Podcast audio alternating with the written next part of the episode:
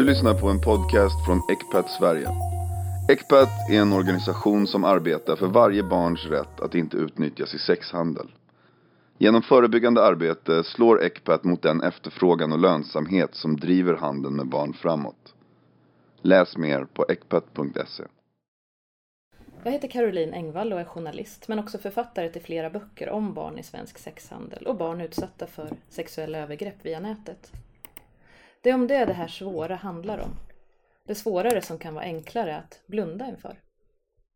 Välkommen till eh, Mia vars dotter under flera år var utsatt för en av Sveriges värsta nätpedofiler. Du som lyssnare kommer att få ta del av familjens gripande historia men också tankar kring hur Mia som förälder klarade av den här svåra tiden. Hur hon tog sig framåt och faktiskt sitter här idag. Det är fint att ha dig här. Tack! Välkommen också till Karina Örgård, behandlare på Rädda Barnen som också har jobbat på BUP med våld i familjen. Du kommer att reflektera kring hur man överlever en sån här kris som förälder och hur andra föräldrar kan tänka om man har barn som har utsatts eller riskerar att utsättas. Välkommen du också. Tack. Om vi börjar med dig Mia, din dotter var bara 13 år när hon träffade en nätpedofil som eh, var nästan 30 år, kom från Husby i Stockholm.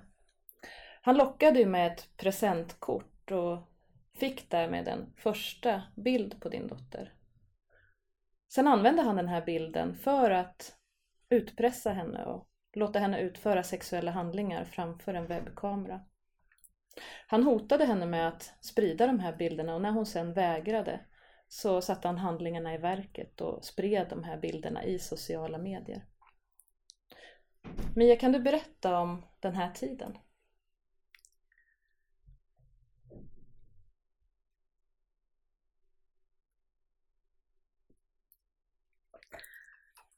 Hur det var egentligen, så när han hade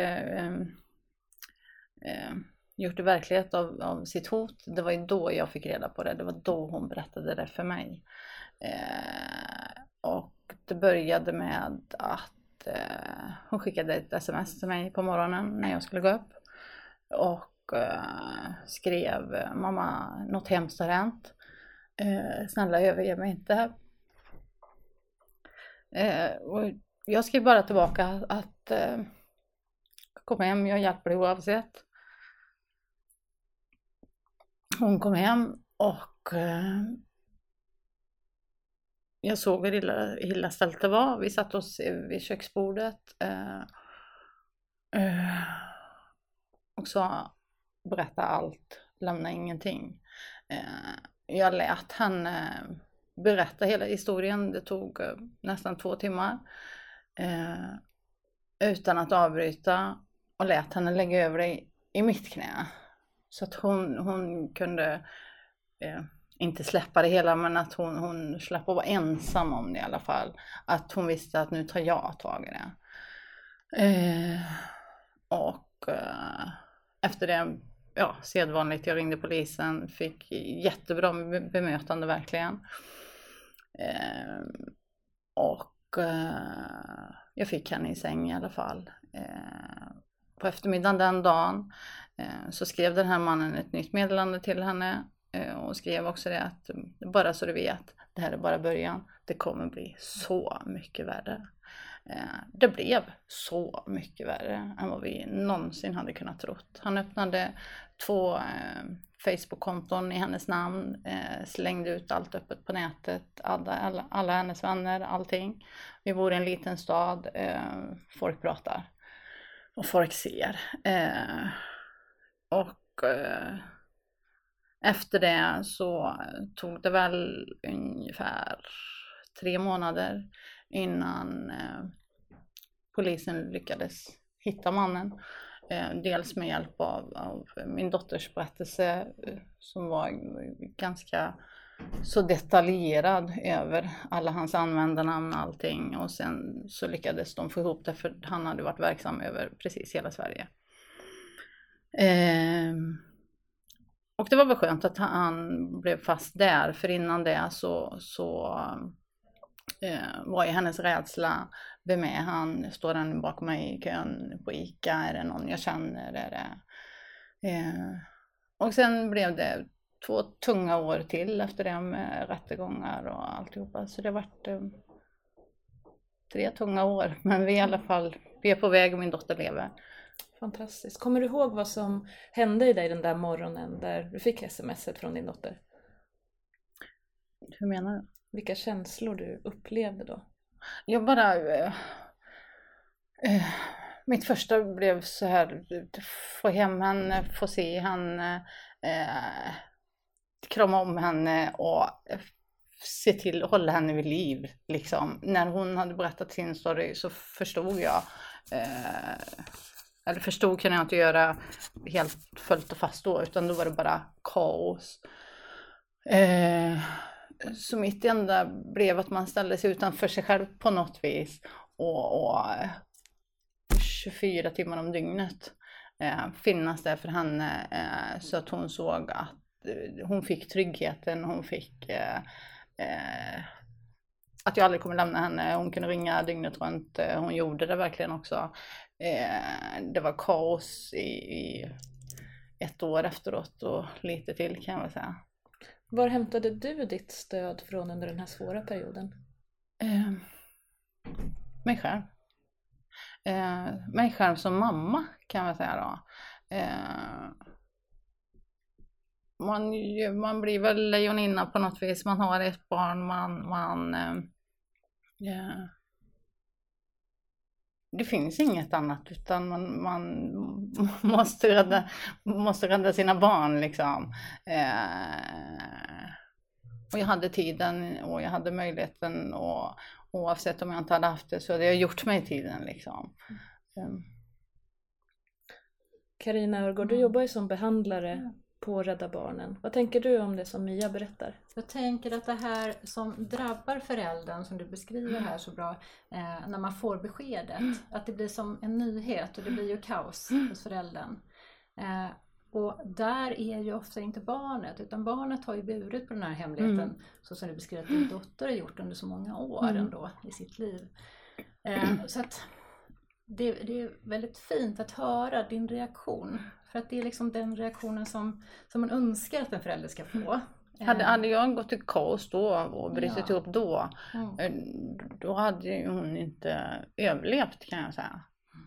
Hon var tvungen att se styrkan att hon kunde lägga bort det hon kunde lägga bort till mig liksom. Så att hon i alla fall kunde visste att ja, nu vet någon annan, någon annan kan ta hand om det här liksom. Precis. Eh. Att din omsorg och din omtanke runt henne kan trygga upp henne ja. i, i det här som hon förmodligen har tänkt länge. Eftersom det är ju så ofta med pedofiler att de, de får barn att tro att det kommer bli det värsta när man säger. Mm. Eh, det är därför man inte gör det. Mm. Mm. Du berättade Mia att du var väldigt ensam i mm. det här, att du hade dig själv. Mm. Önskar du att du hade fått något annat stöd? Eh, ja, eh, både för mig och för min dotter hade vi båda behövt haft ett annat stöd. Eh, och det är väl samhällets tillkortakommande kan jag komma att tycka. Eh, så min dotter till exempel blev erbjuden eh, och var hos psykolog och polisernas psykologer. Eh, vi ordnade eh, psykologhjälp på mottagningen på vårdcentralen.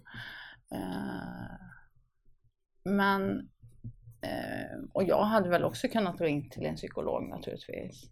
Men det var inte det någon av oss egentligen behövde. Hon tvingade iväg sig i alla fall och satt på några timmar hos varje psykolog. Men eh, som hon sa varje gång hon kom hem liksom, mamma måste jag verkligen? Ska jag sitta där och, och berätta? Det enda de vill är att jag ska berätta vad jag varit med om. Jag vet redan vad jag har varit med om. Eh, det är inte det jag vill ha hjälp med. Jag vill ha hjälp med vad gör jag nu? Hur ska jag komma vidare i mitt liv? Mitt liv är ju förstört. Vad tänker du om det Karina Örgård som Mia berättar?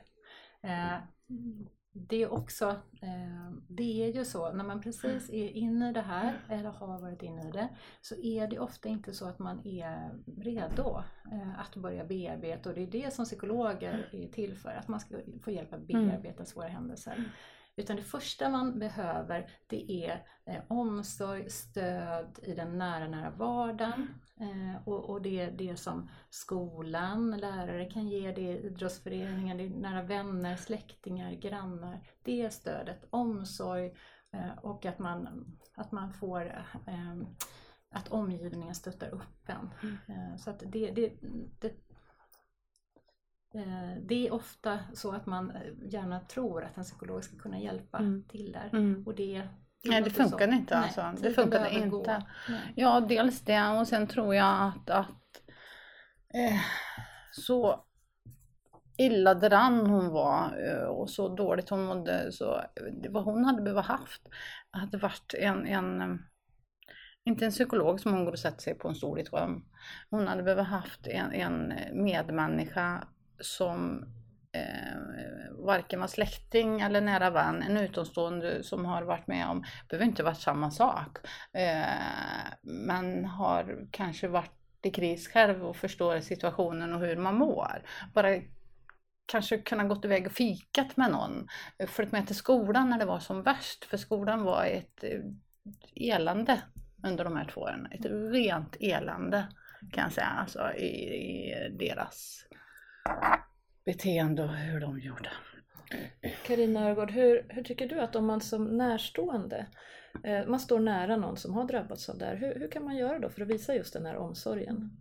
Eh, Att vara där, att inte tro att man ska säga de rätta orden eller göra några jättekonstiga annorlunda saker utan att verkligen vara närvarande. Mm. eh, säga att jag finns här Mm. eh, och visa att man finns där. Mm. Eh, Att ge tid, eh, omsorg. Omsorg kan ju handla om allt från eh, att fika eller liksom gå en promenad. Det kan ju vara vad som helst bara att, eh, att man tar, att man ger tid. Det håller jag med om. Och det var väl just det med att jag inte går, nu har jag 30 minuter, jag ska sitta i den stolen och då ska vi gå igenom det här.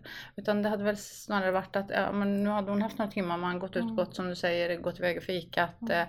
Eh, vill jag prata så gör jag det. Mm. Men det finns inget krav. Mm. En person att slappna av i, Mm. som inte är närstående, som inte är eh, precis som Anonyma Alkoholister som har den organisationen så borde det finnas en organisation för offer Mm. eh, som är utsatta av något slag. För din kris var ju inte bara att bilderna hade spridits utan det var ju också omvärldens reaktioner Absolut. och pratet som var i er stad. Kommer du ihåg hur du upplevde den passion för familjen? Eh, ja, eh, dels så det är ju som så här att alla människor hanterar ju situationer olika också. Eh, min dotter eh, hanterade situationen som så att hon eh, stängde inte in sig, vilket jag hade önskat. Hon blev utåtagerande. Hon redan efter en vecka. Jag ska gå ut på stan. Jag, ska, jag har inte gjort något fel. Och det är jättestrångt gjort. Verkligen jättestrångt gjort. Eh, men där tappade jag ju kontrollen. Eh, och det handlar inte om att jag vill ha kontroll, men jag vet hur dåligt hon mådde. Eh, och jag fick henne till slut till att förstå att, att jag ringer inte och kontrollerar dig på nätterna bara för att jag vill veta var du är. Jag vill veta, det är för att jag ska kunna rädda dig när du får dina ångestattacker mitt i natten. Eh, vet jag var du är så kan jag komma och hämta dig. Eh, det tog ett tag, sen förstod hon det. Så till slut så, och fortfarande än idag, så ringer hon mig mitt i natten. Är hon ute och nu handlar det inte längre om att hon mår dåligt utan nu hon ringer och berättar och det har hänt ikväll och bla bla bla. Och likadant när hon kommer hem sent på nätterna liksom. Eh, så har vi fortfarande den grejen med att eh, inte om kontrollen då utan att det handlar om att, att eh, man är inte själv. Mår man kass så, så svarar mamma även om klockan är 04.30 en lördag natt liksom. Eh, och den tryggheten tog hon åt sig eh, och mådde faktiskt väldigt mycket bättre sen efter ett tag. Karina, har du fler råd till hur man kan agera som förälder i just den här akuta situationen? Ja, det är ju väldigt vanligt att man, eh, eh, får, eh, att man hamnar i en konfliktfylld eh, Mm. relation. Mm. Det behöver inte vara så att man har haft det innan men när man har varit med om övergrepp så, så f- tappar man ju kontrollen i övergreppssituationerna. Och när det har gått så långt så att man har varit med om eh, övergrepp under, under en längre tid eller så, så, så blir det att man känner att man tappar kontrollen över allt. Eh, Mm.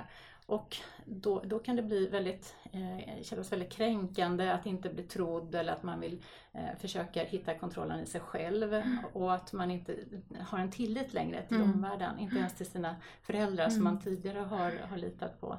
Så att, att göra som du gjorde, att eh, förklara att det är om omsorg och att eh, stå på Mm. dig, eh, tänker jag är, är bra. Men att inte bli rädd för att det, det kommer det kommer bli mer konflikter och, och det gäller att stå pall.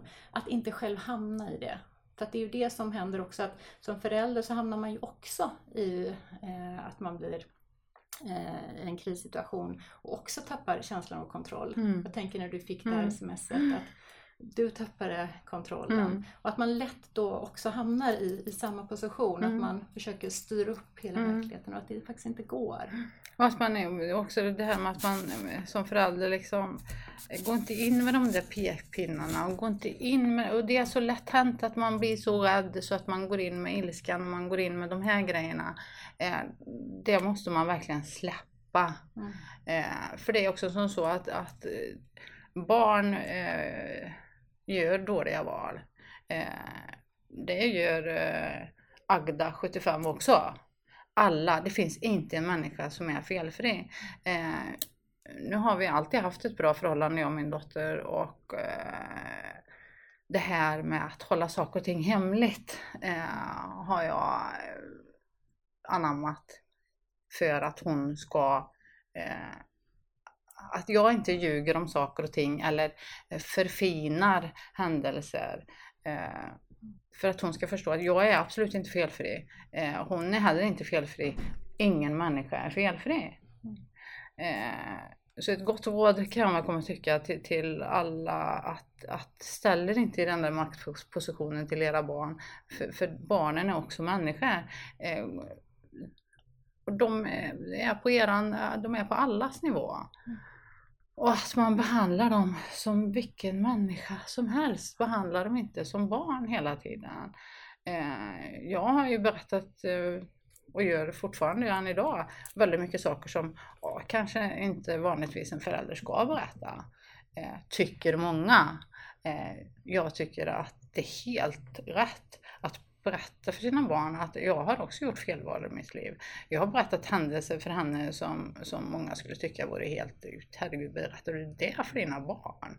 Eh, ja, absolut, för jag är inte felfri. Och det måste de också förstå för att inte sätta mig på en det handlar ju om att jag vill inte heller sitta på en piedestal. Jag vill ju att hon ska förstå att ja, men jag är ju en person, jag har också gjort felval i mitt liv som, som jag inte trodde var ett felval.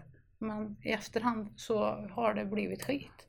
Vad tänker du om det Carina? Ja, och som förälder kan man ju kanske då ha, tror inte att det är du, du menar, men att man hoppas att uh, gör inte om mina misstag och sådär. Men att ju eh, ungdomar måste få göra sina egna misstag ju. Ja. Eh, och jag tänker att det är jättebra att prata om hemligheter i en familj, förebyggande. Ja. Alltså att det finns bra hemligheter.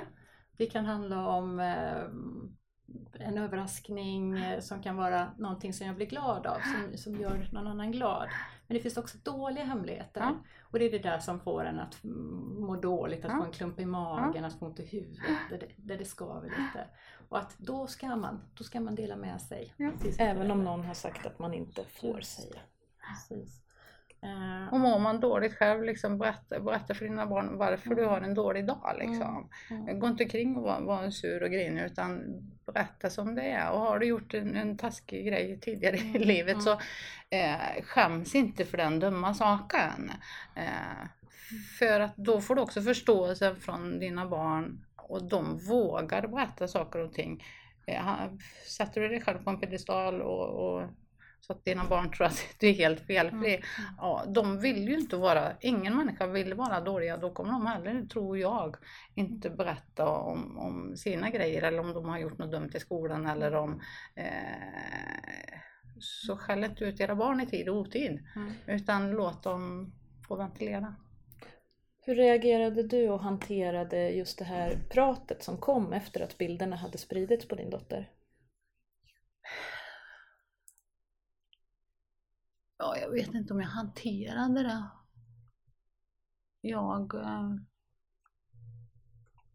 vi levde väl i vår egen lilla bubbla. Skulle jag väl vilja säga. Eh, och eh, man kände ju också ifrån omgivningen att, att de eh, förstod inte hur illa det här var eller hur illa det här hade gjort henne. Utan det var väldigt mycket det här med att eh, ja, man släppte och gå vidare liksom. Ja, släppte och gå vidare. Eh, och det är väl det som är med eh, om man blir utsatt på detta viset på nätet kontra om man hade blivit utsatt för en eh, fysisk våldtäkt. En fysisk våldtäkt förstår omgivningen för det vet de, det kan man ta på. Eh, och då är det ändå under en, att det, vi säger att det händer en gång, det är en händelse och det är as, hemskt verkligen. Eh, det här som hände min dotter då eh, var inte ett tillfälle. Eh, bilderna är spridna, hon har blivit kränkt och det här är också så Eh, belamrat med skam. För människor i omgivningen tycker att, ja, man, varför sa hon inte nej? Tänker du om det Carina? Mm. Ja, för ofta när man pratar om sexuella övergrepp så är det ju liksom överfallsvåldtäkt i någon mörk park Mm. som är jättetydlig. Det finns liksom eh, den som blir utsatt för det har inte gjort någonting utan så. Eh, men att nästan nästan alla sexuella övergrepp sker inte så utan de sker på helt andra sätt Mm. och gör ofta att den som blir utsatt, ungdomen i det här fallet, inte själv alltid ser att det är ett övergrepp från början. Nej. Att För det börjar man förstår så- inte att det är det man är med om. Och särskilt inte när det är på nätet Nej. för då blir det ännu svårare. För att man kan, man kan tänka att "Ja, men det var ju jag som gjorde det, det var Mm. jag som satte på kameran, det var jag som, Mm. vad man nu har gjort. Ehm, och att omgivningen också tänker på det sättet. Eh, eh, Medan det faktiskt är så att när det är ett barn som gör sånt här och det är en vuxen som uppmanar det via nätet så är det den vuxna som begår ett övergrepp. Mm. Eh, Och att man inte själv som förälder, eh, jag kommer inte tycka att du är äcklig, eh, jag kommer inte tycka eh, att du att det var ditt fel utan jag vill verkligen att du beskriver för mig och jag kommer lyssna och jag kommer alltid stå kvar precis som du Mm. beskrev till din dotter att hon, hon undrade om Mm. du skulle lämna henne för Ja, alltid. precis. Och att, att, att säga sådana saker, att jag kommer inte lämna dig vad du än berättar för mig, vad du än har varit med om. Jag kommer alltid älska dig, jag kommer Mm. inte tycka att det var ditt fel. Mm, Så. Hur har din och din dotters relation förändrats av det som har hänt?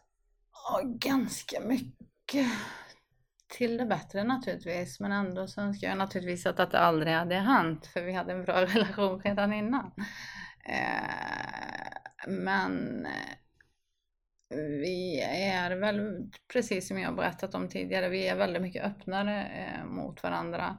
Eh, hon berättar eh, in i detalj om, om vad som, som händer henne. Och hon gör det inte eh, bara för att hon känner sig tvingad utan hon, vi diskuterar väldigt mycket vad som har hänt henne och hon söker oftast hjälp och, och nu har det här hänt och, och den har sagt så och, liksom, och jag bara, men gör så här eller tänk så här, så hade jag gjort det.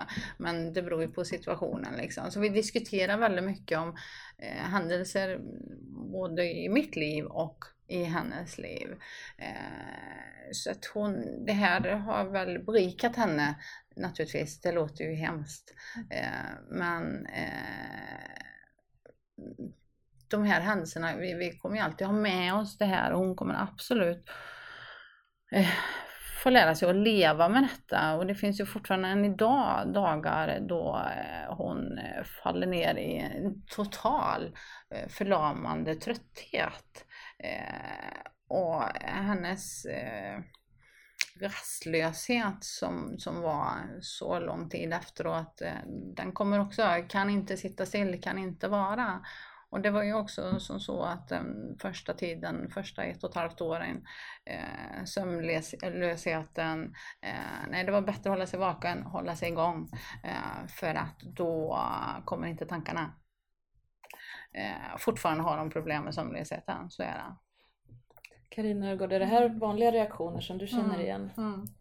Eh, Det är jättevanliga eh, reaktioner och när man märker det på sitt barn att det ändrar, att det helt plötsligt inte kan sova som det brukar, eh, när det blir okoncentrerat, orolig i kroppen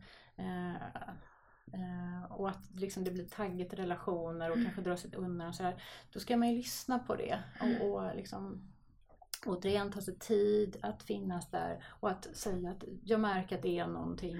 Liksom så. Sen är det inte alltid barn, att barnet själv vet vad det beror på. Så det liksom är oftast inte så att man ska ställa frågor om varför, hur kommer det sig att du inte kan sova eller så, utan att undersöka tillsammans. Mm. Och som du beskriver, Diskutera det och prata om det. Precis, precis. Det finns ju många olika varningssignaler. Att Ja. barnet blir lättskrämt, att man får svårt att koncentrera sig, skolkar, kanske slutar med fritidsaktiviteter som man tyckte om innan. Kanske slutar tvätta håret. Ja. Att man sluter sig inåt eller tvärtom börjar agera utåt. Ja. Kanske också att man börjar vakta mer på sin mobil eller sin dator på ett sätt som man inte gjorde innan. För där finns ju all den här viktiga informationen Mm. som man inte vill ska komma ut.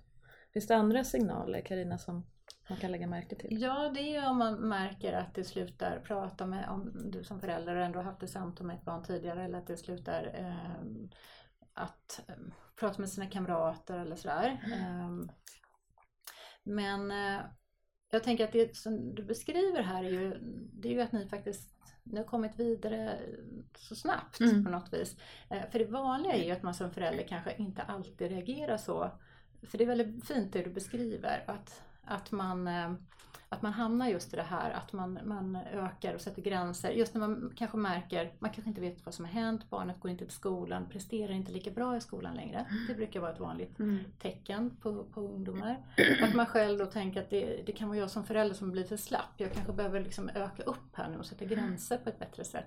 Och att man liksom istället för att stilla sig och fundera på vad kan detta vara. Mm. Hur gör man då för att undersöka det här tillsammans med barnet? Man kan ju ibland uppleva att man blir väldigt jobbig som förälder när man ställer alla de här frågorna som barnet Mm. kanske själv inte vet svaret på. Hur ska man göra bäst? Mm.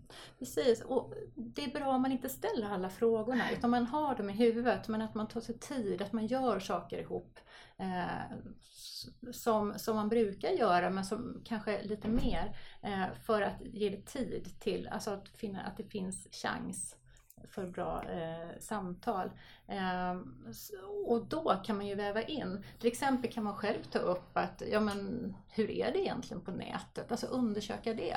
Eh, jag, som förälder kanske man inte är där så mycket, man kan fråga vad är det ni gör? Mm. Eh, ta sig tid där, sitta med vid datorn, be dem visa, visa nyfikenhet för deras liv. För att Precis. ja, det sker ju där Mm. ute på nätet.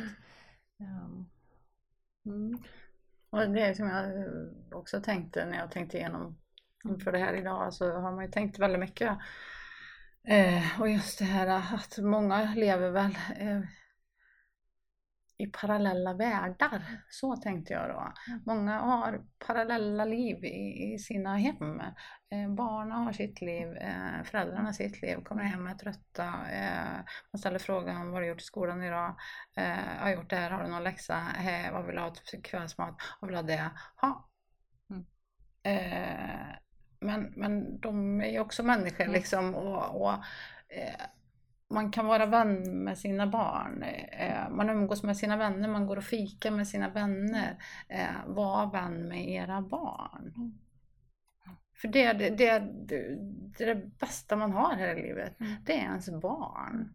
Eh, och jag tror att många glömmer det. Liksom. Eh, när man har gjort de där barnen så har man fått dem och så har man, man låtit dem växa upp och så talar man om men ska du gå i den skolan, gå i den skolan istället. Mm. Och pekpinnar återigen liksom hela vägen upp och sen flyttar de hemifrån och sen Mm. är det bra. Mm. Var vän med era barn. Du är en fantastisk förebild Mia i både det du berättar om och hur du har agerat och man skulle önska att alla utsatta barn hade en mamma som du. Hur, hur pratar du och din dotter idag om det som har hänt? Vi pratar inte om det så ofta längre. Vi kommer tillbaka till det ibland. Eh, men när vi kommer tillbaka till det så gör vi det inte eh, vi kommer inte tillbaka till vi har, gått, vi har pratat så mycket det första året vi pratade, pratade, pratade, pratade. Eh, nu handlar det mer om, om eh, när saker och ting, när andra saker och ting händer. Eh, när hon mår dåligt och, och, tar ut det i andra saker på grund av det som har hänt. Eh, så att vi bägge två fortfarande, man lever ju det här fortfarande och att vi båda två fortfarande är medvetna och har förståelsen om varför är jag så sabla trött idag. Eh, idag eh, ser jag på henne att, att hon, hon får ligga i sängen liksom. Och att jag inte som, det gör man ändå som mamma ibland, liksom, ah, ska du ligga där hela dagen? Eh, och då får jag liksom backa bandet. Eh, mm, mm, mm. Ja, det behöver hon göra. Och ibland är jag också görtrött liksom. Och då får man också, varför är jag så trött idag? Jag har ju ett jättebra liv nu liksom. Ja, nej, man måste tillåta sig själv. Man måste tillåta sina barn, om de nu har varit utsatta eller överhuvudtaget. Att ibland är man bara, orkar inte. Paus, och, och, det där liksom. tänker jag är, är så lätt att glömma som förälder ja. eller ännu mer kanske i skolan. Jag gör det mellan varven också ja. fortfarande än idag. Ändå så liksom, mm. Mm, mm, mm. Precis, för tiden går. Ja. Ofta är det i akuta skeden så blir hela världen mm. liksom, mm. Eh, blir fokuserad på det här. Man mm. försöker eh, att vidta massa åtgärder, gärna då att springa mm. till någon psykolog för man mm. tänker att det är det bästa eller sådär. Eh, och det som händer sen är att omgivningen ofta tröttnar på det här. Man tänker, ja men nu så, nu har vi gått vidare. Det mm. där var jättehemskt som mm. hände, men det var ju flera månader sedan mm. eller så. Mm. Eh, men att det faktiskt är som du beskriver, mm. att det, det hänger ju efter en lång, lång tid. Och att man behöver faktiskt ha tålamod. Mm. Eh, det här med att börja prestera i skolan, det tar tid och det går upp och ner. Jajamän. Att det kan, man kanske kommer tillbaka, man kanske inte visar så mycket efter ett tag, men att det ändå kan finnas sådana perioder när det kommer tillbaka. Vad tycker du Karina Argård? Hur kan man som förälder förhålla sig mm. till de här sexuella övergreppen som sker via nätet? Både om man har varit utsatt, som Mias familj har varit, men också om man är rädd för att det ska hända ens familj. Mm. Jag tänker som förebyggande är det här att intressera dig för vad din, ditt barn gör på nätet. För det är, en, det är verklighet. Eh, det är en mm. stor del av, mm. av ungdomarnas liv som är där. Precis som att du, du är intresserad och gick med på fotbollsträningen. Du kanske till och med var fotbollstränare eller liksom engagerade dig när de var små. Engagera dig lika mycket när de eh, växer upp och då är det nätet ofta som gäller. Eh, berätta för, eller ha samtal med dina barn och ungdomar om vad som händer på nätet, vad man ska göra. Och det kan ju ofta kännas obekvämt som förälder, kanske man inte vill sitta med sin 11-12-åring och prata om sexuella övergrepp. Men det gör ju, alltså 11-12-åringar pratar ju med varandra Nej, om sånt. Och då är det bra om de vet att sånt där får man också prata med sin mamma eller pappa om. Eh, det är ju inte så att man behöver säga, berätta om hela världen, utan man, att ställa frågor. Att säga, att, tänka på att det, där ute det, det, är mycket, det är mycket konstiga bilder. Mm. Det kan vara eh, avklädda bilder. Vad, vad, har du sett? Vad har du... Alltså berätta om det som kan hända. Eh, och sen är en del barn är där och vill prata vidare och många barn vill bara lyssna och så lämnar man det. Eh, så att, att våga ta, ta tid för dina barn med det här. Men när det väl har hänt, då tänker jag att det är precis det här som, som Mia beskriver att eh, alltså, om man är med om övergrepp så kan man bli traumatiserad. Eh, och då, alltså traumatisering handlar om allt det här som vi har pratat om nu, att man få svårt med koncentration och sömn och mat och eh, allt möjligt sådär. Eh, men det är inte detsamma som att man blir traumatiserad, alltså att varit med om ett övergrepp och om man får rätt stöd när man berättar om det. Det kan förebygga en traumatisering. Och det, där blandar vi ofta ihop. Man tror, man har varit med om ett övergrepp på nätet, man blir traumatiserad. Det är inte detsamma. Utan precis det här som Mia beskriver som du, som du har gjort, det kan förebygga en traumatisering. Att man får tid, att man får tid att bearbeta sina känslor. Eh, att prata när det kommer. Mm, Som precis. du säger, vi pratar så Mm, mycket. Mm. Eh, och då pratar ju inte ni 30 minuter eh, på måndag eftermiddag varje vecka med Nej. psykolog. Utan ni pratar väl när det kom, Ja, när precis. det var där. Ja. Mm. Och att man behöver ta det flera, flera varv Mm. för att bearbeta, för Mm. det kommer upp något Mm. nytt. Eh, så. Det är mycket det här, varför mår jag så här? Varför Mm. får jag de här yrselattackerna? Varför kan jag inte sova? Varför kan jag inte... Eh, hon fick en eh, kraftig ångestattack, har hon fått flera gånger, men en av dem eh, så kom hon hem och sa, jag förstår inte vad som hände.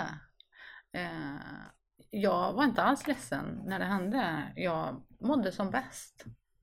Eh, och helt plötsligt så fick jag ingen luft. Eh, nu är det, jag har också varit ute så att jag visste, jag visste precis vad hon pratade om. Eh, så därför kunde jag hjälpa henne direkt.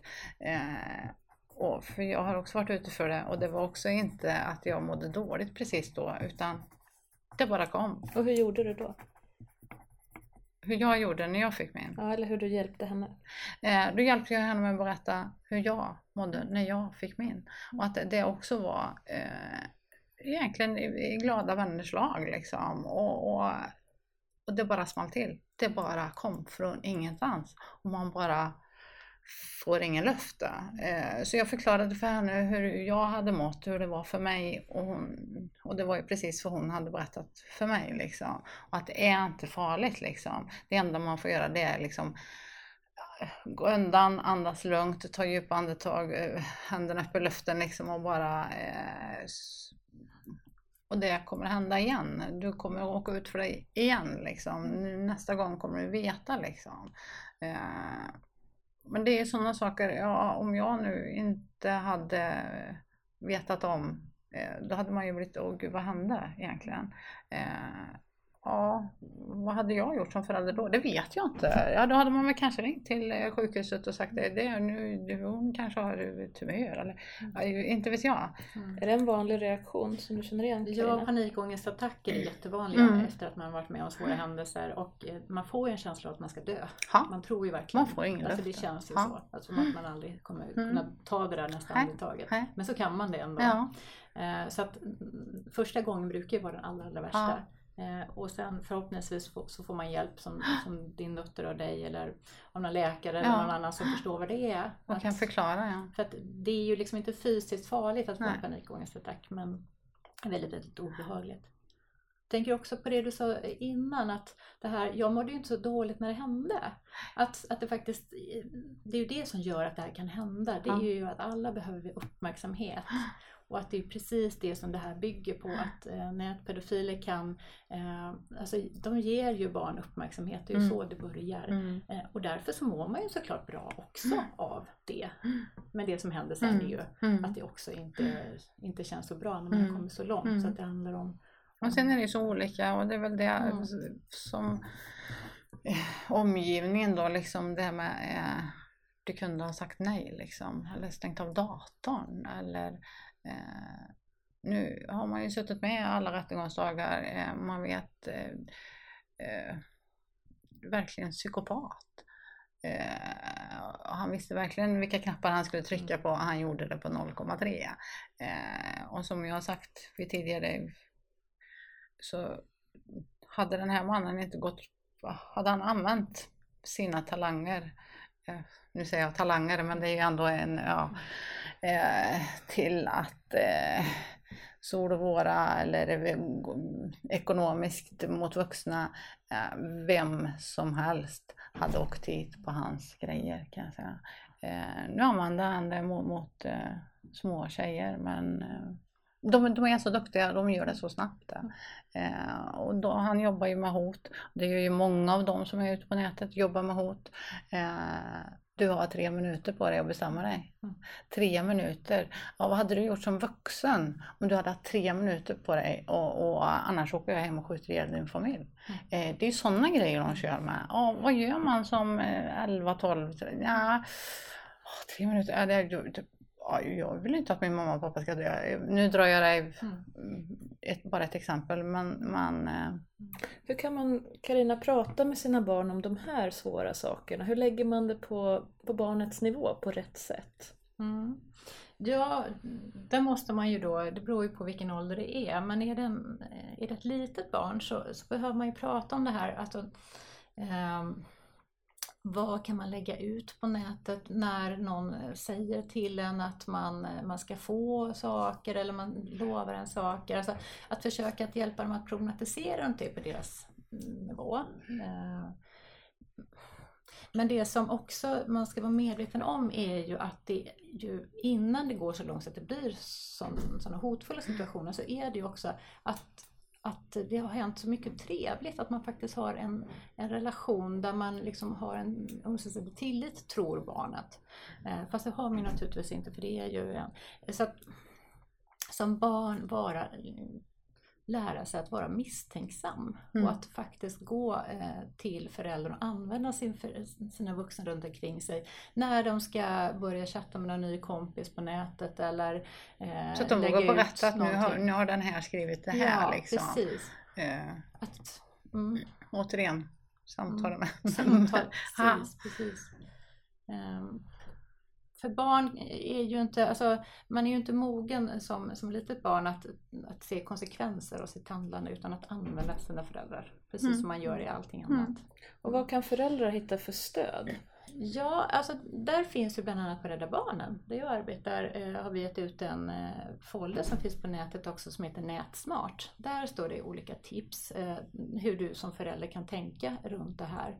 Eh, med hur du, hur du ska prata med dina barn om nätet och, och om sexuella övergrepp på nätet. Och när det väl har hänt, vad vänder man sig då? Eh, som du säger så polis är ju självklart men sen eh, kan man också behöva eh, ha en check på vårdcentral eller på BUP eller sådär. Eh, men oftast är inte det nödvändigt utan att eh, att man ser om kommunen har någon samtalskontakt eller så, så att man liksom får någon utifrån som du beskriver, att man behöver ha något stöd. Men det är inte säkert att det är en terapeutiskt stöd utan att man behöver någon som bekräftar hur handleder dig som förälder, hur du ska göra. Alltså just för att det blir kaos i huvudet på en så kan man behöva någon som strukturerar för en och sen hjälper en. Eh. Mia, vad är dina bästa råd för att gå vidare som förälder?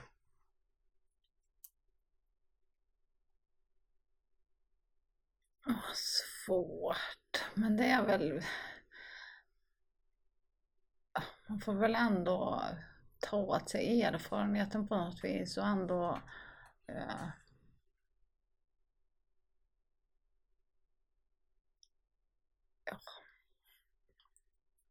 Kan man gå vidare? Ja, absolut. Vi har ju gått vidare.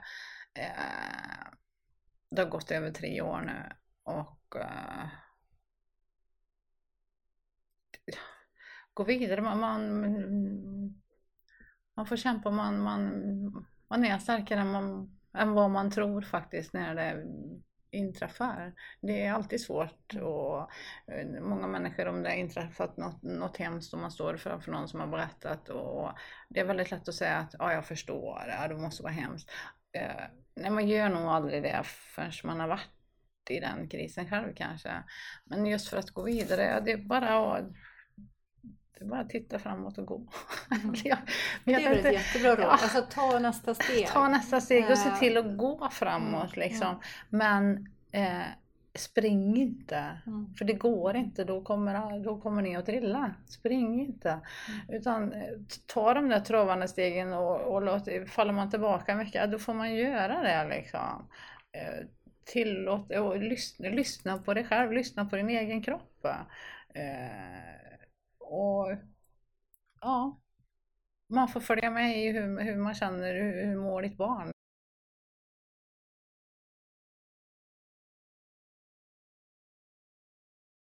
Karina Örgård, eh, Mia var ju väldigt rationell när eh, allt det här briserade i hennes familj.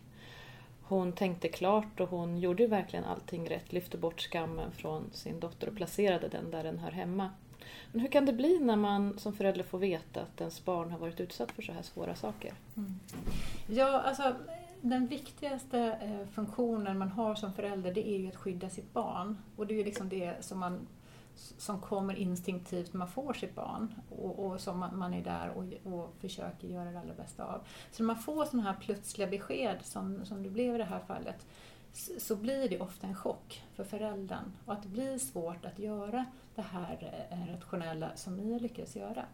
Eh, så väldigt många föräldrar eh, kan reagera på sätt som, som inte blir så lika bra för barnet som Mias reaktion. Alltså det är jättevanligt att man eh, att man hamnar i någon slags förnekelse, att man eh, säger ja, ja, alltså att, man, att barnet känner att man viftar bort det eller att man reagerar med att man blir arg. Eh, att man eh, beskyller barnet eller liksom så. Men, men, och det är en jättevanlig första reaktion. Eh, men när man väl har hamnat ur chocken så kan man ju ofta se att, att det, det är viktigt att lyssna in och att eh, ta in barnets historia. Så det, det här är ju såklart svårt för barnet om man reagerar så här men att det går ju att reparera och det är jätteviktigt att man gör det. Att man tar sig tid med barnet och förklarar att jag blev ju så. Alltså att man, precis som, som Mia beskrev, att, mm, att, att föräldrar är också människor. Att, att jag blev så, så rädd. Jag vill ju verkligen inte att det ska hända dig något sånt här. Eh, men nu när, det, när du berättar så tror jag dig. Eh, att, att reparera det i efterhand är, och det går jättebra. Eh, så. Mm. Du återkommer ju ibland till att det här med att man kanske inte behöver gå till en psykolog det första man gör. Men när vet man när det är dags att gå till en psykolog? Mm. Man märker att de här eh, som vi har pratat om nu flera gånger med sömnen och koncentrationen och att barnet eh, förändras kraftigt. När man märker att det liksom inte eh, eh ebbar ut utan att det bara fortsätter och att eh, måendet liksom fortsätter att vara dåligt vecka ut och vecka in eh, och månaderna går. Då är det dags att söka, till, söka professionell hjälp. För då kan det vara det här som jag beskrev förut som, som vi kallar för trauma eller PTSD. Eh, där man faktiskt, det faktiskt är så att det blir kroniskt, att man, det försvinner inte om man inte får rätt slags hjälp. Och då är det jätteviktigt att man hamnar hos någon som kan det där. Eh, inte som, som Mia beskrev att eh, man kom till, till olika psykologer som, som pratade. Det lät som att det mm. kanske inte var riktigt eh, traumafokuserat Nej. utan att det, det handlar om andra saker. Så det finns jätteeffektiva, bra behandlingsmetoder eh, när man är traumatiserad. Eh, och det är jätteviktigt att man får den hjälpen eftersom det är så stör ens liv eh, och ens utveckling så mycket om man inte får rätt mm. hjälp. För det, mm.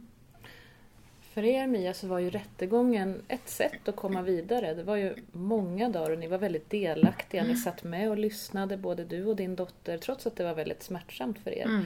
Men du som mamma ville ändå visa henne omfattningen av det här ärendet, att det var inte bara hon som var utsatt. Mm. Hur upplevde ni rättegången? Den dagen var uh, jättejobbig för oss båda. Um, Och just att man, man visste att, att äh, åtalet eh, som var äh, mot honom som enbart gällde min dotter som sagt var att hon skulle sitta i en hel dag i, i äh, domstolen med åklagarna, domarna och med den åtalade från morgon till kväll. Eh, hon fick valet om jag skulle vara med eller inte vara med. Eh, och eh, hon kände väl att hon hade lättare, trots att jag visste alla detaljer, så var det lättare för henne att eh, sitta och berätta utan att mamma skulle behöva sitta och lyssna en gång till. Och för, för min del så var det huvudsaken att hon får ur sig allting. Liksom, så att hon känner att ja, det, här var så, det här är så jobbigt ändå. Att hon känner efteråt att jag har gjort allt och jag har sagt allt. Eh, så att inte det skulle bli en grej efteråt också. Eh, så att vi satt ju i Solna där en dag. Eh, jag sitter i rummet bredvid. Eh, vilket också var jobbigt när man, när man vet att hon sitter i samma rum som honom. Eh, när hon kommer ut därifrån eh, så var hon eh, precis slut. Eh, på samma gång som hon tyckte att det var skönt. Nu har jag gjort det och jag klarar av det. Eh, så jag tror också att det var en del för henne. För många av tjejerna, eller tjejerna här som var i rättegången fick också valet om de klarar av eh, åka upp och göra den här grejen. Nu var det väldigt olika. Vissa var det ju några timmar, vissa halva dagar. Min dotter visste ju att det skulle ta en hel dag med hennes case, bara hennes case. När hon kommer ut i alla fall eh, och vi åker hem eh, så säger hon ju det att, eh, att det, enda, det enda jag hade velat haft eh, och hade velat under denna dagen var att han skulle ha tittat på mig, eh, slängt bara ett litet ögonkast på mig så att jag hade fått sett in i hans ögon och sett om han hade eh, förstått vad illa han har gjort mig. Jag vill tacka dig Mia för att du har varit här idag och berättat din historia. Jag vet att du och din dotter har kommit framåt på ett helt fantastiskt sätt tillsammans. Och du är en enorm förebild för andra föräldrar i ditt sätt att hantera allt det svåra som er familj har varit utsatt för. Och tack också till Karina Örgård, behandlare på Rädda Barnen.